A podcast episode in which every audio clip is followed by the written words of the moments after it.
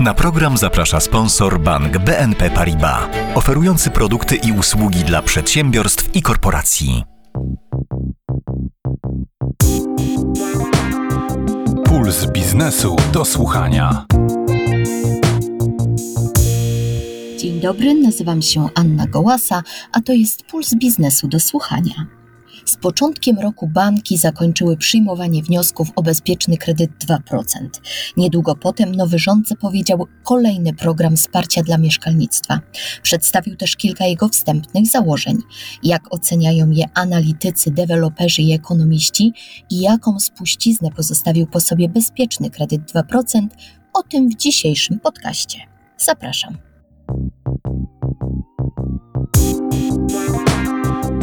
Puls biznesu do słuchania. Choć o programie Mieszkanie na Start, a więc nowej propozycji Ministerstwa Rozwoju i Technologii mówi się coraz więcej, to wciąż nie ucichły echa po jego poprzedniku, bezpiecznym kredycie 2%. O zmianach, do jakich doszło na rynku za jego sprawą, rozmawiam z Aleksandrą Gawrońską, szefową działu badań rynku mieszkaniowego w firmie JLL.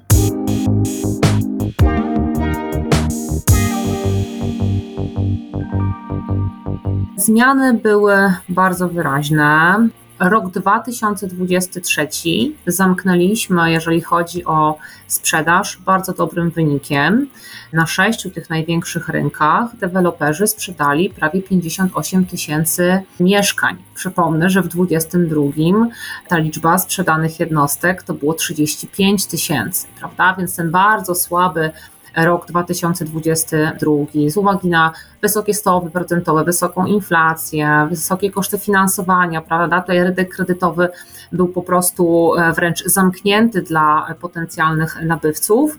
No i mamy 2023 rok i zupełnie inną sytuację, odbicie, jeżeli chodzi o sprzedaż i właśnie po części za sprawą tego programu mieszkaniowego, który pojawił się w 2023 roku, czyli bezpiecznego kredytu dwuprocentowego. Nie mamy jeszcze finalnych e, wyników podsumowujących oczywiście te statystyki dla tego programu, no ale wiemy, że do końca 2023 roku niecałe 60 tysięcy podpisanych umów kredytowych w całej Polsce i oczywiście nie jest tutaj mowa tylko o rynku pierwotnym, ale też o rynku wtórnym i również o kredytach, które były udzielone na budowę domu jednorodzinnego.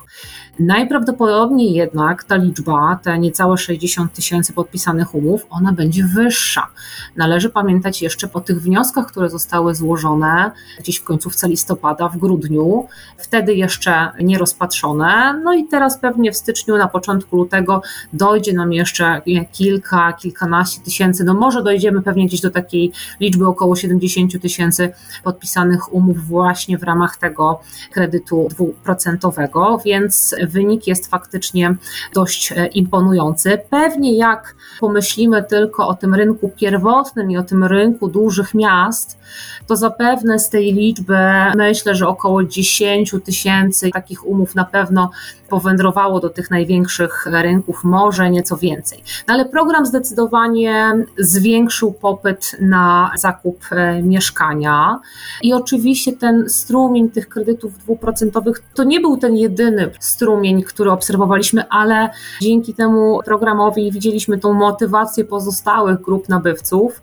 do tego, żeby e, podejmować szybciej decyzje o zakupie mieszkań, w szczególności w miastach, gdzie zaczęło brakować oferty, gdzie oferta wyraźnie kurczyła się na przestrzeni ostatnich e, miesięcy.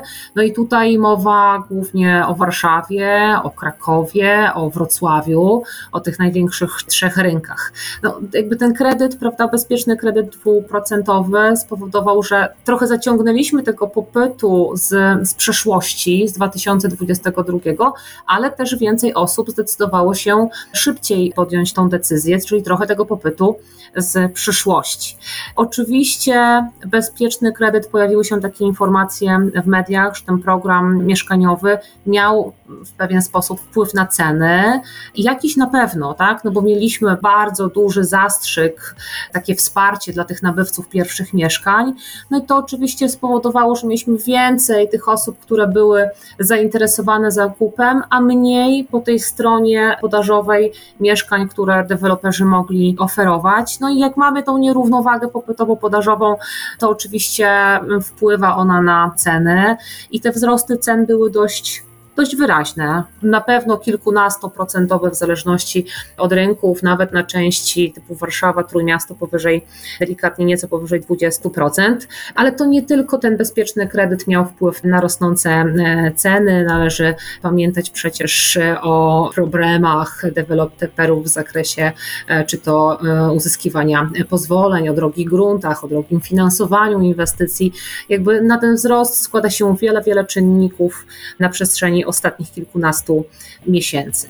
I myślę, że warto jeszcze przy tym programie też wspomnieć o tym, że po pierwsze, nie miał on limitów na skorzystanie, jeżeli chodzi o liczbę złożonych wniosków.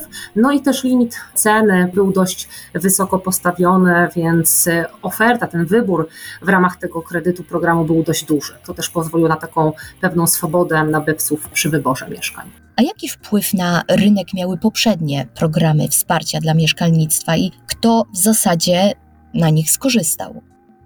Co do zasady, wszystkie te programy, czyli wspomniany pierwszy Rodzina na swoim, który był e, dostępny w tych latach 2007-2013, czy MDM, trochę w krótszym okresie czasu, bo między 2014 a 2018 rokiem, one były dedykowane generalnie nabywcom pierwszych mieszkań, więc tutaj bardzo podobnie jak właśnie ten program mieszkań z kredytem dwuprocentowym. Natomiast po pierwsze trochę długość prawda, tego okresu, w którym on funkcjonował, była inna. No i przede wszystkim e, były tam dodatkowe zasady, które w jakiś sposób ograniczały liczbę beneficjentów, osób, które mogły skorzystać w danym roku z tego programu. Tutaj tego limitu w 2023 roku nie było, więc jeżeli chodzi o zarówno liczbę udzielonych kredytów, w sumie w jednym roku, a tak na dobrą sprawę w zasadzie w półroczu, prawda? Bo program BK2 dopiero od drugiej połowy roku 2023 funkcjonował. No i zarówno jeżeli chodzi o poziom tych dopłat, no to myślę, że tutaj BK2 zapisze się w historii jako rekordzista, dlatego że i w przypadku e, czy to e, RNS-u, z tego co pamiętam, to w całym jakby okresie trwania tych kredytów, oczywiście liczby były większe, jeżeli chodzi o podpisane umowy, ale nie w tak krótkim okresie. To trzeba podkreślić. No i oczywiście tutaj e, osoby, które były wspierane, to byli głównie młodzi ludzie, młode rodziny. Jeszcze dla samego programu BK2 nie mamy takich analiz, prawda, które pokazywałyby nam, kto z tego programu skorzystał. Jest jedna taka analiza z listopada jednego z banków na podstawie złożonych wniosków, i tu widzimy, że faktycznie to byli młodzi ludzie, e, głównie single, którzy po ten kredyt poszli. W przypadku MDM-u czy rodziny na swoim, jednak bardziej skorzystały, myślę, że z tego osoby odrobinę starsze, bo tam chyba średni wiek, z tego co pamiętam, tych osób, ta największa grupa osób była w wieku 30-34 lata. Tutaj te wstępne wyniki BK2 wskazują, że były to młodsze osoby. No i przede wszystkim na przykład w przypadku MDM-u, tam również wysokość tej dotacji była uzależniona od liczby osób w gospodarce gospodarstwie domowym od liczby dzieci. Więc no, zobaczymy, zobaczymy, jak też, bo zaraz pewnie padnie pytanie o kolejny program, kolejny pomysł, jak też to będzie wyglądało prawda, przy mieszkaniu na start, no bo na razie widać, że to jest po prostu kolejny pomysł, taka kolejna kontynuacja tego obecnego programu, tylko z nieco innymi zasadami. Co sądzi Pani o wstępnych założeniach y, tego nowego programu zapowiedzianego przez rząd y, Mieszkanie na Start? Czy i w jaki sposób warto byłoby te założenia zmodyfikować? To prawda. Wstępny taki draft został ogłoszony na początku stycznia. I to, co mogę powiedzieć, to na pewno to, że jest on dość skomplikowany. To znaczy, mamy dużo nowych, dodatkowych zasad czy to w odniesieniu do limitu dochodu potencjalnego kredytobiorcy, czy do poziomu oprocentowania, które również jest uzależnione od liczby osób w gospodarstwie domowym. No i do tego dochodzą jeszcze limity kredytu, który będzie objęty dopłatą, też w zależności od liczby osób w gospodarstwie domowym, więc jest faktycznie tych kilka dodatkowych zasad, które w pewien sposób komplikują, prawda, e, i jakby utrudniają zrozumienie dla, dla potencjalnego nabywcy tych wszystkich zasad.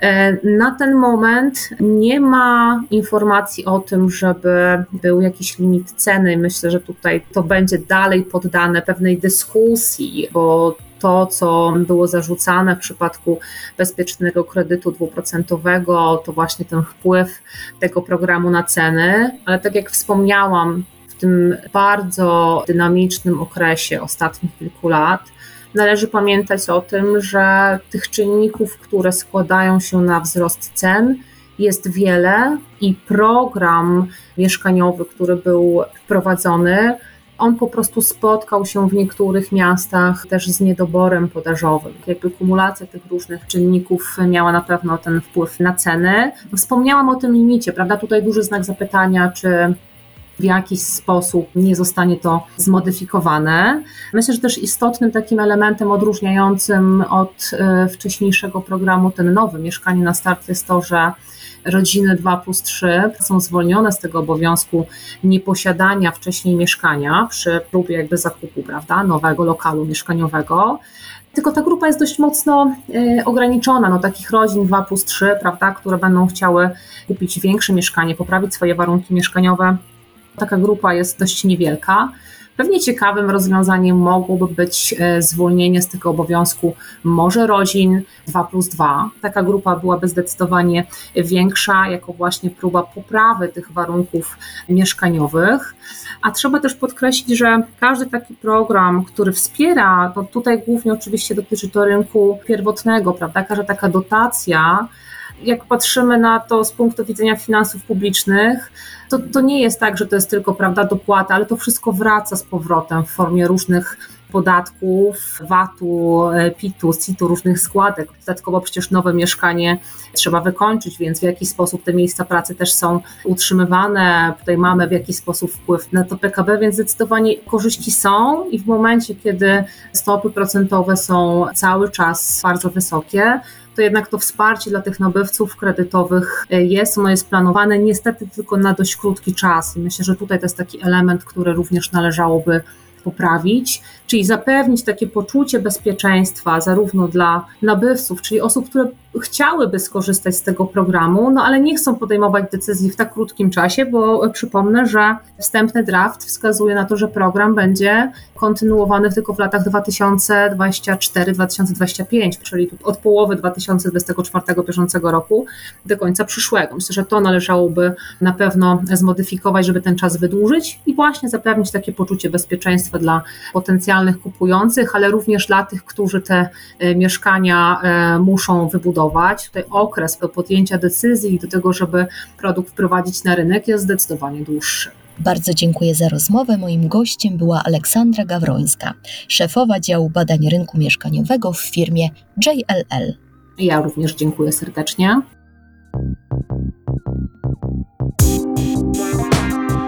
Puls biznesu do słuchania.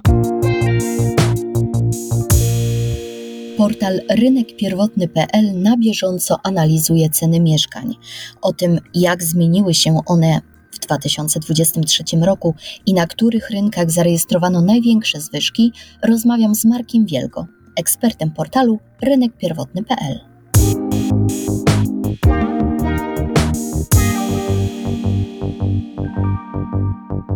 Rzeczywiście program Bezpieczny Kredyt 2% przyspieszył wzrost cen niemal we wszystkich metropoliach, a najbardziej w Krakowie, bo tylko w trzecim kwartale, czyli od momentu pojawienia się bezpiecznego kredytu w ofercie banków, średnia cena metra kwadratowego wzrosła aż o 11%. Także w pozostałych metropoliach, tak generalnie, no Łódź jest takim wyjątkiem, ale Łódź jest specyficzna, dlatego że tam obserwowaliśmy w ubiegłym roku bardzo dynamiczny wzrost podaży mieszkań, to była jedyna metropolia, w której w ogóle zwiększyła się oferta mieszkań, bo główną przyczyną tak dużego wzrostu średniej ceny metra kwadratowego była potężna nierównowaga między popytem a podażą. E, właściwie we wszystkich metropoliach, z wyjątkiem Łodzi, chętnych na mieszkania było znacznie więcej niż deweloperzy byli w stanie wprowadzić na rynek. To spowodowało, że nie dość, że deweloperzy podnosili ceny, wykorzystując oczywiście sytuację, to dodatkowo z oferty najszybciej wykruszały się najtańsze mieszkania. No i te, które zostawały, powodowały wzrost średniej ceny metra kwadratowego. I o ile w trzecim kwartale w Trójmieście ten wzrost oczywiście był większy niż w poprzednich kwartałach, to czwarty kwartał przyniósł wręcz eksplozję, akurat w Trójmieście.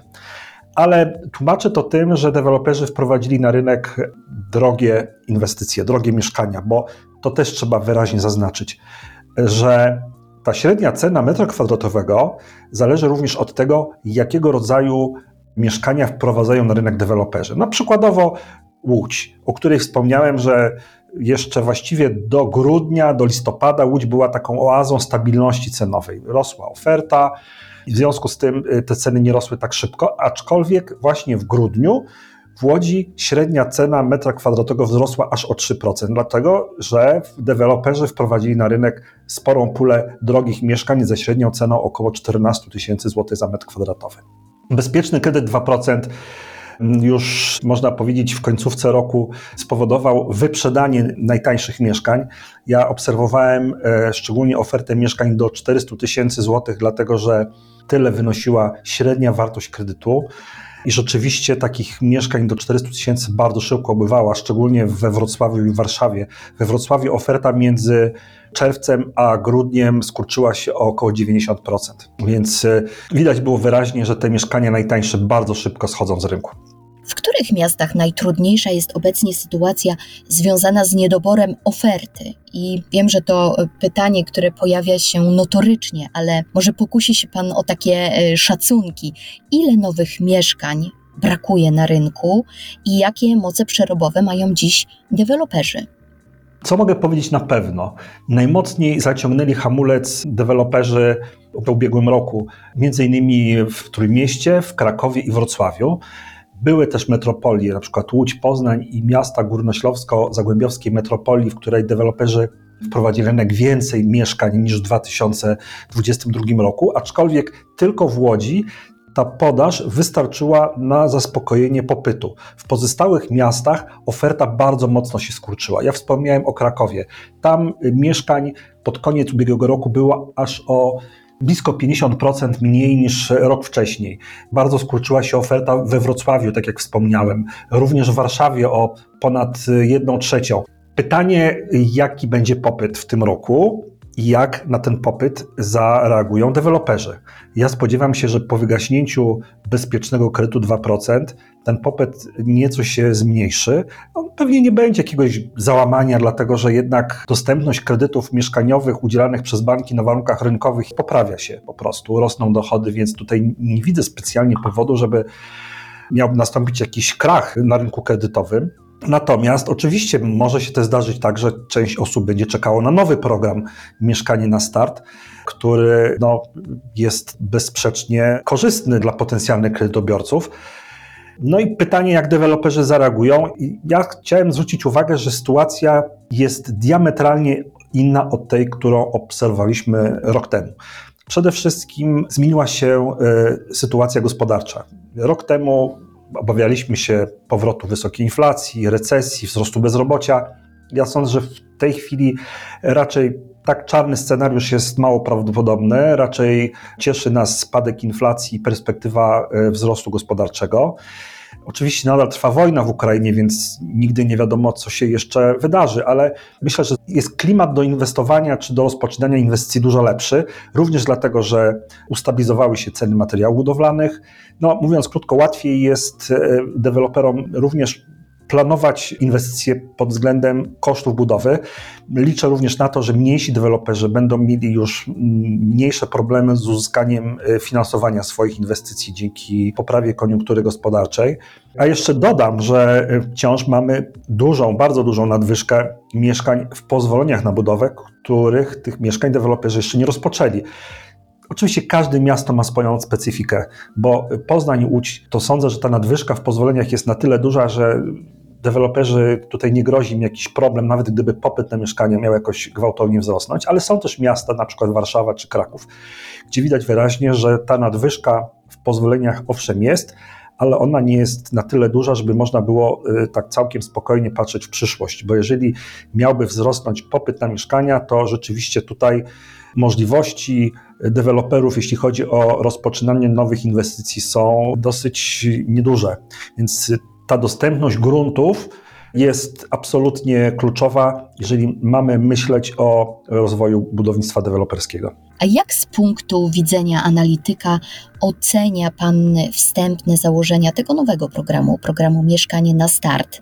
Czy coś by Pan w nich zmodyfikował?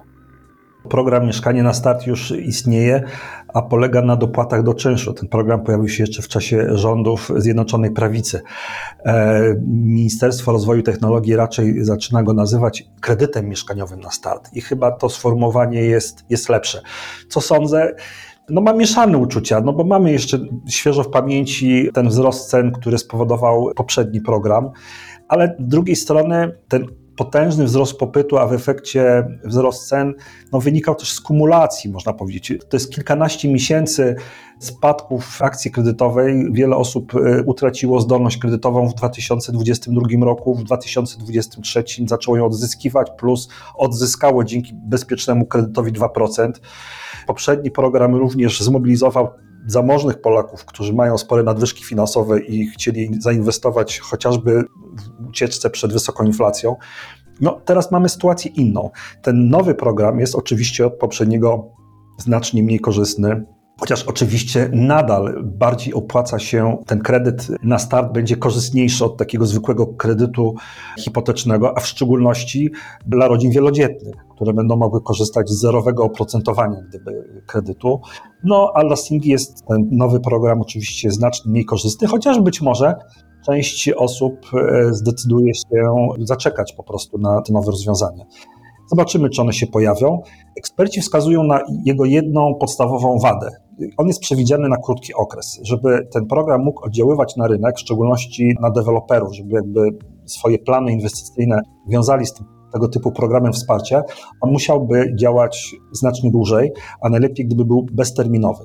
Z drugiej strony, jak rozumiem, Ministerstwo Rozwoju i Technologii zaplanowało działanie tego programu na krótki okres, bo tam chyba przewiduje się zaciąganie kredytów do końca 2025 roku, na razie oczywiście w założeniach.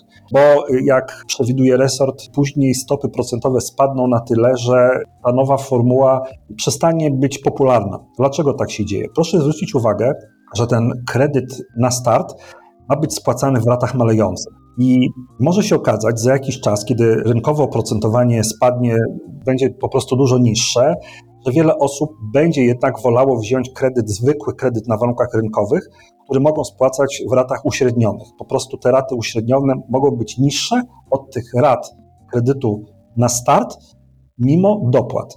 Pewnie, jak sądzę, wiele osób jednak patrzy przede wszystkim na miesięczne obciążenie swojego budżetu domowego, więc w pewnym momencie będą wolały wziąć teoretycznie droższy kredyt, ale spłacać go w ratach uśrednionych. Tym bardziej, że te limity dopłat są w przypadku singli zwłaszcza stosunkowo niskie, bo ja przypomnę, że y, dopłata będzie do 200 tysięcy złotych. Na razie w założeniach cały czas to podkreślajmy. W miastach, w których ceny mieszkań są y, dużo droższe, wyższe niż średnia dla całego kraju, ten limit będzie trochę wyższy. No, załóżmy, że w Warszawie singiel będzie mógł skorzystać z dopłaty do 240 tysięcy złotych. Tylko, że za 240 tysięcy złotych nic nie kupi. W związku z tym musi wziąć wyższy kredyt i taka opcja będzie oczywiście możliwa. To będzie taki kredyt łączony, częściowo będzie oprocentowany 1,5%, a częściowo z normalną stopą rynkową. No i gdzieś będzie ten, ten moment, w którym singiel powie, nie, no ja wolę jednak wziąć zwykły kredyt, płacić raty uśrednione, niż te na początku bardzo wysokie raty malejące. W tym programie w ogóle jedna rzecz mi cieszy i to będzie program w założeniach bezterminowy, mianowicie pożyczki konsumenckie dla tych, którzy będą chcieli uzyskać mieszkanie w TBS-ach, czyli w Towarzystwach Budownictwa Społecznego lub w SIM-ach. Tam zwykle uzyskanie takiego mieszkania wiąże się z wpłaceniem części kosztów budowy 25, nawet 30%. To jest, jak sądzę, potężna bariera dla tych, którzy no, nie stać ich na zwykły kredyt rynkowy na warunkach komercyjnych, żeby zamieszkać w takiej czynszówce. No więc dzięki temu programowi o wiele łatwiej będzie uzyskać mieszkanie w TBS-ach, co cieszy. Bardzo dziękuję za uwagę. Moim gościem był Marek Wielgo, ekspert portalu rynekpierwotny.pl. Polecam się y, zawsze.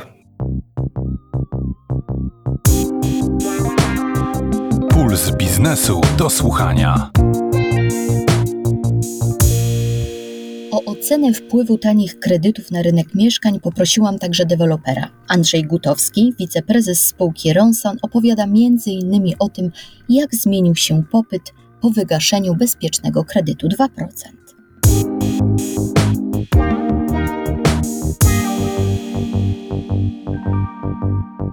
Skoro program się zakończył, to znaczy, że pewne czynniki na rynku też, y, te czynniki popytowe też wygasły. W związku z tym miało to skutek i ma to skutek taki, że część klientów, która no, pasowała do tego programu, a firma Ronson w jakiejś części, nie aż tak dużej, bo tak jak szacowaliśmy, około 20-25% naszych umów sprzedaży, które zrealizowaliśmy w roku 2023, to były umowy związane z tym właśnie programem. No ale niemniej program wygasł, w związku z tym po pierwsze grupa klientów, którzy mogliby z tego programu skorzystać, no nie skorzysta, w związku z tym albo przełożyła plany zakupowe, albo ostrożniej przygląda się rynkowi i temu, co, i temu, co w tej chwili na nim zachodzi i być może podejmie decyzję o zakupie troszeczkę później. A drugi czynnik, czy też skutek działania programu był taki, że rynek w ogóle wszedł na troszkę wyższe obroty z uwagi na to, że ten popyt rzeczywiście został mocno przez program pobudzony. Podaż przedstawiana przez deweloperów niekoniecznie ten popyt była w stanie zaspokoić. W związku z tym skutkowało to dość dużym takim strachem klientów na, na rynku, strachem przed uciekającą ofertą. W związku z tym ta aktywność, szczególnie w ostatnich miesiącach roku, o, począwszy nawet od, od sierpnia, ale tak wrzesień, październik, listopad to był taki pik rzeczywiście transakcji, wniosków o kredyt. No teraz w styczniu jest dużo spokojniej, natomiast Ronson przyjął taką zasadę, że no nie chcemy być eksponowani zbyt mocno na programy, które no są po tej stronie popytowej. No tak jak mówiłem, w zeszłym roku to było nie więcej niż 25% transakcji, które zrobiliśmy, a które były związane z tym programem. Podobnie w tym roku no, bazujemy na tym na różnych źródłach klienta, na tych, którzy ewentualnie pochodzą z takiego czy innego programu rządowego, ale również na tych, którzy kupują od nas mieszkania, inwestują w nie jako taki długoterminowy środek trwały, bądź też podnajem, czyli oferujemy nasze mieszkania inwestorom, tudzież klientom, którzy idą po kredyt ten tak zwany zwykły, zwykłą hipotekę, która oczywiście jest wyżej oprocentowana w tej chwili z uwagi na dość wysokie stopy. Natomiast no, jest część klientów, która pomocowo wspiera się takim kredytem i, i tej części klientów też nasz produkt oferujemy. I teraz tak, no widać, że ta aktywność na rynku klientów jest sporo niższa, trochę za wcześnie, żeby w styczniu oceniać, jak ten rynek rzeczywiście wygląda, bo styczeń z natury rzeczy jest miesiącem troszkę spokojniejszym po takich mocnych działaniach zakupowych klientów w ostatnich tygodniach roku. Natomiast no, my, my realizujemy swój plan sprzedażowy, już, już za styczeń mamy go zrealizowany, więc mamy dość dużą wiarę w to, że niezależnie od tego, czy ten zgłaszany pomysł nowego programu rządowego pojawi się w tym roku w ogóle, czy się pojawi w połowie roku, no będziemy realizować swoją politykę sprzedażową no, w oparciu o aktualnie zgłaszane zapotrzebowanie z rynku. Dziś pytam wszystkich gości i proszę o ocenę nowego programu wsparcia, programu Mieszkanie na Start. Co Pan sądzi o tych wstępnych założeniach? Jak jako deweloper widzi Pan ten program i co, jeżeli w ogóle coś, warto by było w nim zmienić? Co do pewnej przyjętej strategii przez rząd, no to ten program oddziałuje na podobną stronę rynku, czyli na tą stronę popytową. Czyli w tym zakresie niewiele się rzeczywiście zmieniło. No ja już mówiłem dla Państwa w wywiadach, że absolutnie nie jestem zwolennikiem w cudzysłowie podsyływania pieniążków dla strony popytowej, bo no, powoduje to spore zamieszanie na rynku. Jak obserwowaliśmy, co się wydarzyło po wprowadzeniu programu 2%, to takie zamieszanie rzeczywiście powstało, zamieszanie finalnie skutkujące tym, że, że bardzo mocno wzrosły ceny. to wzrosty były rzędu 20 paru procent czasami w skali roku, w związku z tym bardzo, bardzo wysokie. I zaskutkowało to tym, że, że, że, część osób, która nie była, czy też część klientów, którzy nie są, nie byli beneficjentami tego programu, no, zostali z wysokimi cenami mieszkań, zostali z, z wysoko zwykłym kredytem. No i tak troszkę mało to ma wspólnego ze sprawiedliwością. Ten nowy program, on będzie oddziaływał na tę samą stronę, czyli na stronę popytową. W związku z tym, no, niezależnie od tego, czy w głównej mierze dedykowany jest rodzinom wielodzietnym, bo w tej strukturze, jak się zapoznałem z tymi głównymi zasadami programu, to rzeczywiście tutaj raczej promuje rodziny wielodzietne. No niezależnie od tego, najbardziej prawdopodobny skutek będzie taki, że pewien trend cenowy, który jest obserwowany od kilkunastu miesięcy na naszym rynku, on się jeszcze wzmocni, w związku z tym dla dużej części rynku te ceny zaczną znowu, yy, znowu uciekać. Trudno komentować całość jakby programu, bo on jeszcze jest yy, w trakcie, jak rozumiem, konsultacji z deweloperami, z bankami, z, z organizacjami społecznymi. Natomiast prawdopodobny skutek, jeżeli ta korekta w założeniach programu będzie niewielka, najbardziej prawdopodobny skutek będzie taki, że mniej więcej od połowy roku ten rynek znowu w cudzysłowie się nam rozbuja i tutaj będzie zgłaszany bardzo wysoki popyt, no bo te stopy procentowe oferowane w ramach programu będą dużo, dużo niższe od tego, co mamy dostępne na szeroko pojętym rynku hipotek. W związku z tym no, połowa roku znowu prawdopodobnie czeka nas mocne rozgrzanie rynku zebrali oferty i wygląda na to, że takie słabe nadążanie deweloperów z, e, za ofertą. Także to tyle, to tyle komentarza. Trudno się w większym szczególe odnieść, bo naprawdę nie wiemy, czy ten program będzie gdzieś tam zmieniany, jeśli tak, to w jakim zakresie, czy konkretne grupy klientów będą większymi bądź mniejszymi beneficjentami. No w, w ramach tego programu, no to, to na przykład single pary tutaj są tymi w cudzysłowie poszkodowaną częścią rynku i prawdopodobnie tutaj nastąpi jakaś korekta. Natomiast no niezależnie od korekt, tak jak powiedziałem, chyba trochę nie tędy droga. No tutaj skutek on będzie atrakcyjny, w tym na pewno atrakcyjny dla deweloperów, tak, no bo w sposób troszkę sztuczny zgłosi nam chęć zakupu dodatkowa duża pula klientów, natomiast w długim terminie no, zostaną z nami te bardzo wysokie ceny mieszkań. Dużo mówi się w ostatnim czasie o problemach z podażą i ogólnie o bolączkach branży deweloperskiej.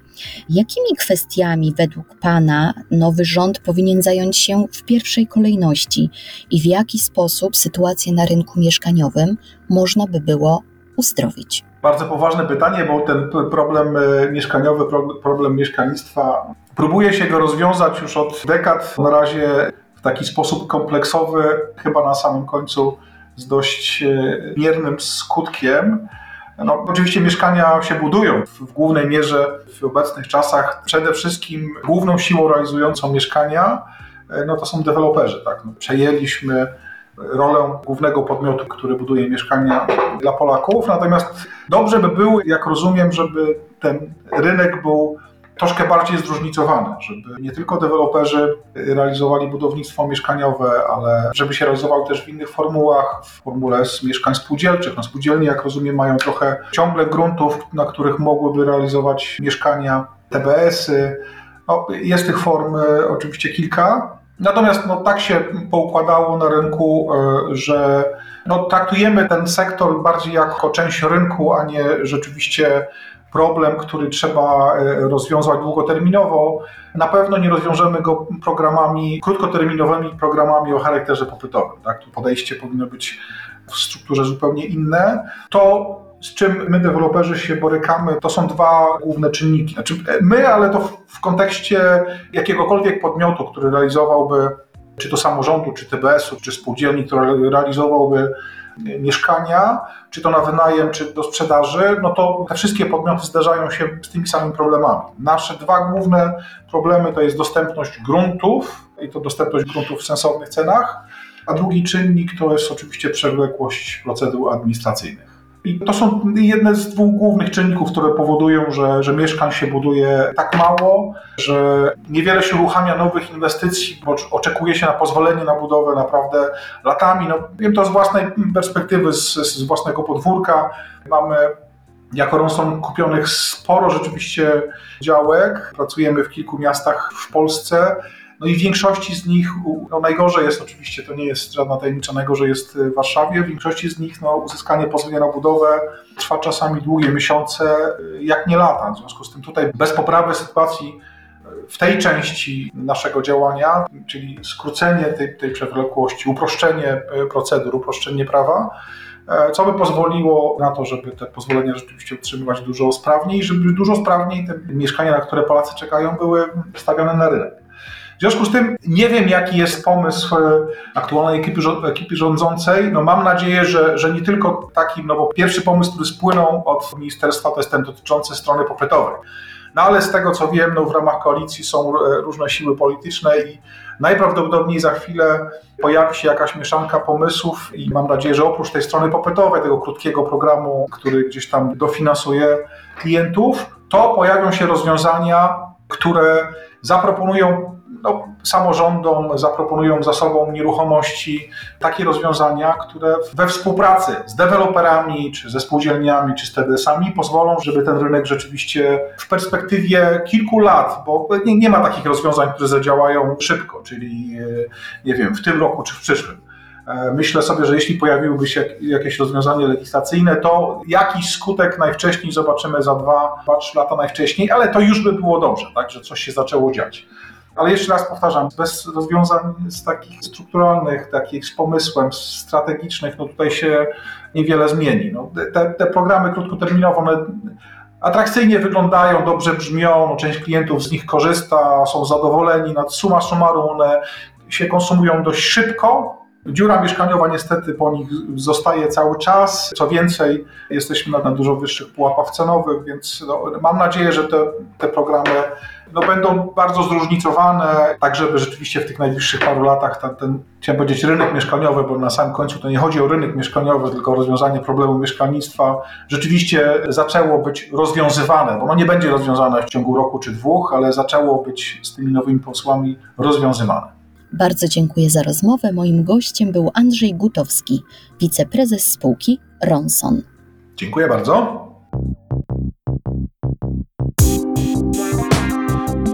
Puls biznesu do słuchania.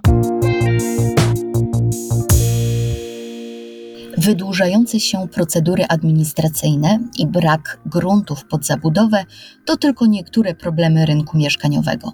O tym, z czym jeszcze musi się on mierzyć, opowiada doktor habilitowany Adam Czerniak, wykładowca Szkoły Głównej Handlowej i dyrektor do spraw badań Polityki Insight.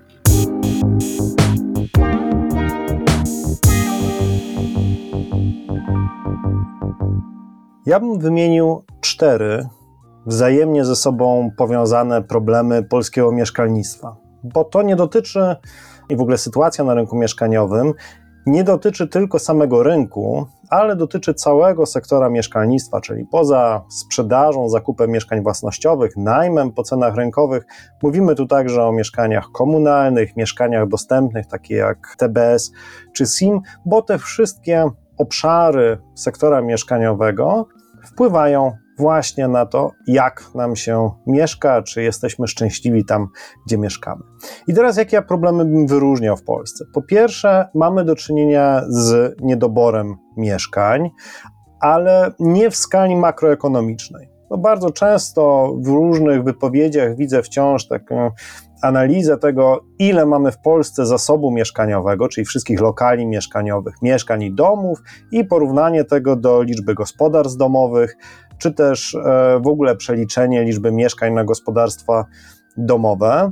Dla mnie tego typu analiza jest błędna, ponieważ my już w tej chwili w Polsce nie borykamy się z tak rozumianym niedoborem mieszkań, bo w zasadzie zasobów mieszkaniowych jest więcej niż gospodarstw domowych.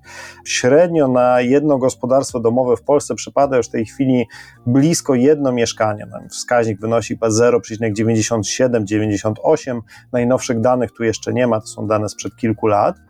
I w zasadzie w skali kraju tego problemu nie ma. Problem jest w tym, że mieszkań nam brakuje w dużych miastach, czyli tam, dokąd zwykle migrujemy, a nieruchomości mieszkaniowe, głównie domy, są dostępne w mniejszych miejscowościach czy na terenach wiejskich. Więc w skali makro niedoboru mieszkaniowego nie mamy, ale w tych aglomeracjach, do których najczęściej się przeprowadzamy, ten niedobór mieszkań wciąż jest. Drugi problem, jaki widzę, to jest dostępność finansowa mieszkań, czyli to, ile mieszkania w Polsce kosztują. Co prawda, nie jesteśmy jednym z najdroższych krajów e, w Unii Europejskiej, jesteśmy w średniej regionu tutaj Europy Środkowej i Wschodniej. Przykładowo, droższe mieszkania są w przeliczeniu do dochodów u naszych południowych sąsiadów w Czechach, na Słowacji, także w Rumunii. Natomiast wciąż ta dostępność finansowa mieszkań jest dosyć niska dla bardzo dużej części gospodarstw domowych. Trudno określić, nie ma jeszcze tych danych.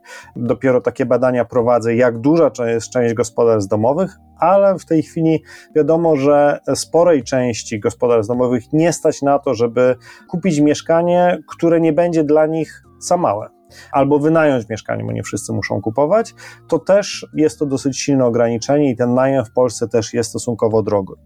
No i to jest powiązane z trzecim problemem, czyli tego, że mieszkamy bardzo często w przeludnionych mieszkaniach. Bo to nie jest tak, że nie jest nas stać na żadne mieszkanie, ale nie stać nas zwykle na mieszkanie, które odpowiada naszym potrzebom, czyli ma odpowiednią liczbę pokoi, odpowiednią powierzchnię do wielkości naszej rodziny. Często musimy się decydować na mieszkania zbyt małe, właśnie w relacji do liczby osób w gospodarstwie domowym. I czwarty problem, który chciałbym wymienić, to jest efektywność energetyczna. Ta efektywność energetyczna polskiego mieszkalnictwa może nie jest tak zła jak na przykład e, we Francji, ale jednak wciąż bardzo wiele domów jest e, niedostatecznie ocieplonych, ma bardzo wysokie parametry chłonności energetycznej, czyli po prostu musimy wydawać w rachunkach za ogrzewanie bardzo dużo w przeliczeniu na jedną osobę, a to jest oczywiście bardzo też e, ważne wyzwanie w kontekście transformacji klimatycznej, do której wszyscy w ramach Unii Europejskiej się zobowiązaliśmy. Proszę mi powiedzieć tak z punktu widzenia ekonomisty, czy i w jaki sposób rząd powinien wspierać mieszkalnictwo i jak to robią w innych krajach? Ja od już ponad dekady analizuję polityki mieszkaniowe krajów europejskich. I podstawowy wniosek z tych analiz jest taki, że nie ma jednej złotej recepty. Większość krajów europejskich boryka się w tej chwili z problemami mieszkaniowymi. W wielu państwach dostępność finansowa mieszkań dla sporej części społeczeństwa jest jeszcze niższa niż w Polsce. Natomiast to, co jest ważne i to, czego my powinniśmy się od krajów zachodnioeuropejskich uczyć, to to, że polityka mieszkaniowa to jest zestaw bardzo różnorodnych narzędzi. Znaczy, nie ma jednego działania, które rozwiązałoby wszystkie problemy mieszkaniowe, i co więcej, posługiwanie się pojedynczymi, wyrwanymi z całości kontekstu rozwiązaniami politycznymi często przynosi więcej szkody niż pożytku. Przykładowo, jeżeli mówimy o programie dopłat do kredytów, bo to jest program, który przecież nie tylko w Polsce realizujemy, tego typu programy były uruchamiane czy to w Stanach Zjednoczonych, czy to w Wielkiej Brytanii, czy wcześniej także w krajach Beneluxu, to tego typu programy same w sobie prowadzą oczywiście do zwiększenia popytu, czyli ludzie chcą i mogą kupować droższe mieszkania, ale problem w tym, że w momencie, w którym silnie ograniczona jest podaż nowych mieszkań, to ten wzrost popytu w największym stopniu przekłada się na wzrosty cen, a zatem z jednej strony zwiększa możliwość zakupu mieszkań, ale z drugiej strony podnosi ich ceny, co prowadzi do tego, że efekt netto, czyli połączenie tych dwóch efektów, nie zwiększa faktycznej, takiej realnej dostępności mieszkań, bo po prostu możemy kupić droższe mieszkanie, ale de facto wszystkie mieszkania są droższe, więc powierzchnia mieszkania, którą po wprowadzeniu programu możemy kupić, jest dokładnie taka sama. Czyli patrząc na doświadczenia krajów zachodnioeuropejskich, my razem z programami dopłat do kredytów musimy też prowadzić programy, które zwiększają nam podaż, zwiększają także elastyczność cenową podaży, czyli że każdy taki impuls propopytowy, który prowadzi do zwiększenia cen, skutkuje również e, dosyć wyraźnym zwiększeniem oferty mieszkań na rynku. U nas to pobudzenie deweloperów do produkcji nowych mieszkań jest bardzo silnie ograniczone przez dostępność gruntów, zwłaszcza w największych aglomeracjach. W rezultacie do tutaj też powinniśmy się upatrywać narzędzi, które te grunty i w ogóle możliwość szybkiego przeprowadzenia inwestycji mieszkaniowych nam odblokują. Dalej oczywiście są bardzo ważne narzędzia, które też wchodzą w ten pakiet polityki mieszkaniowej, które zapewniają mieszkania osobom o średnich i niskich dochodach.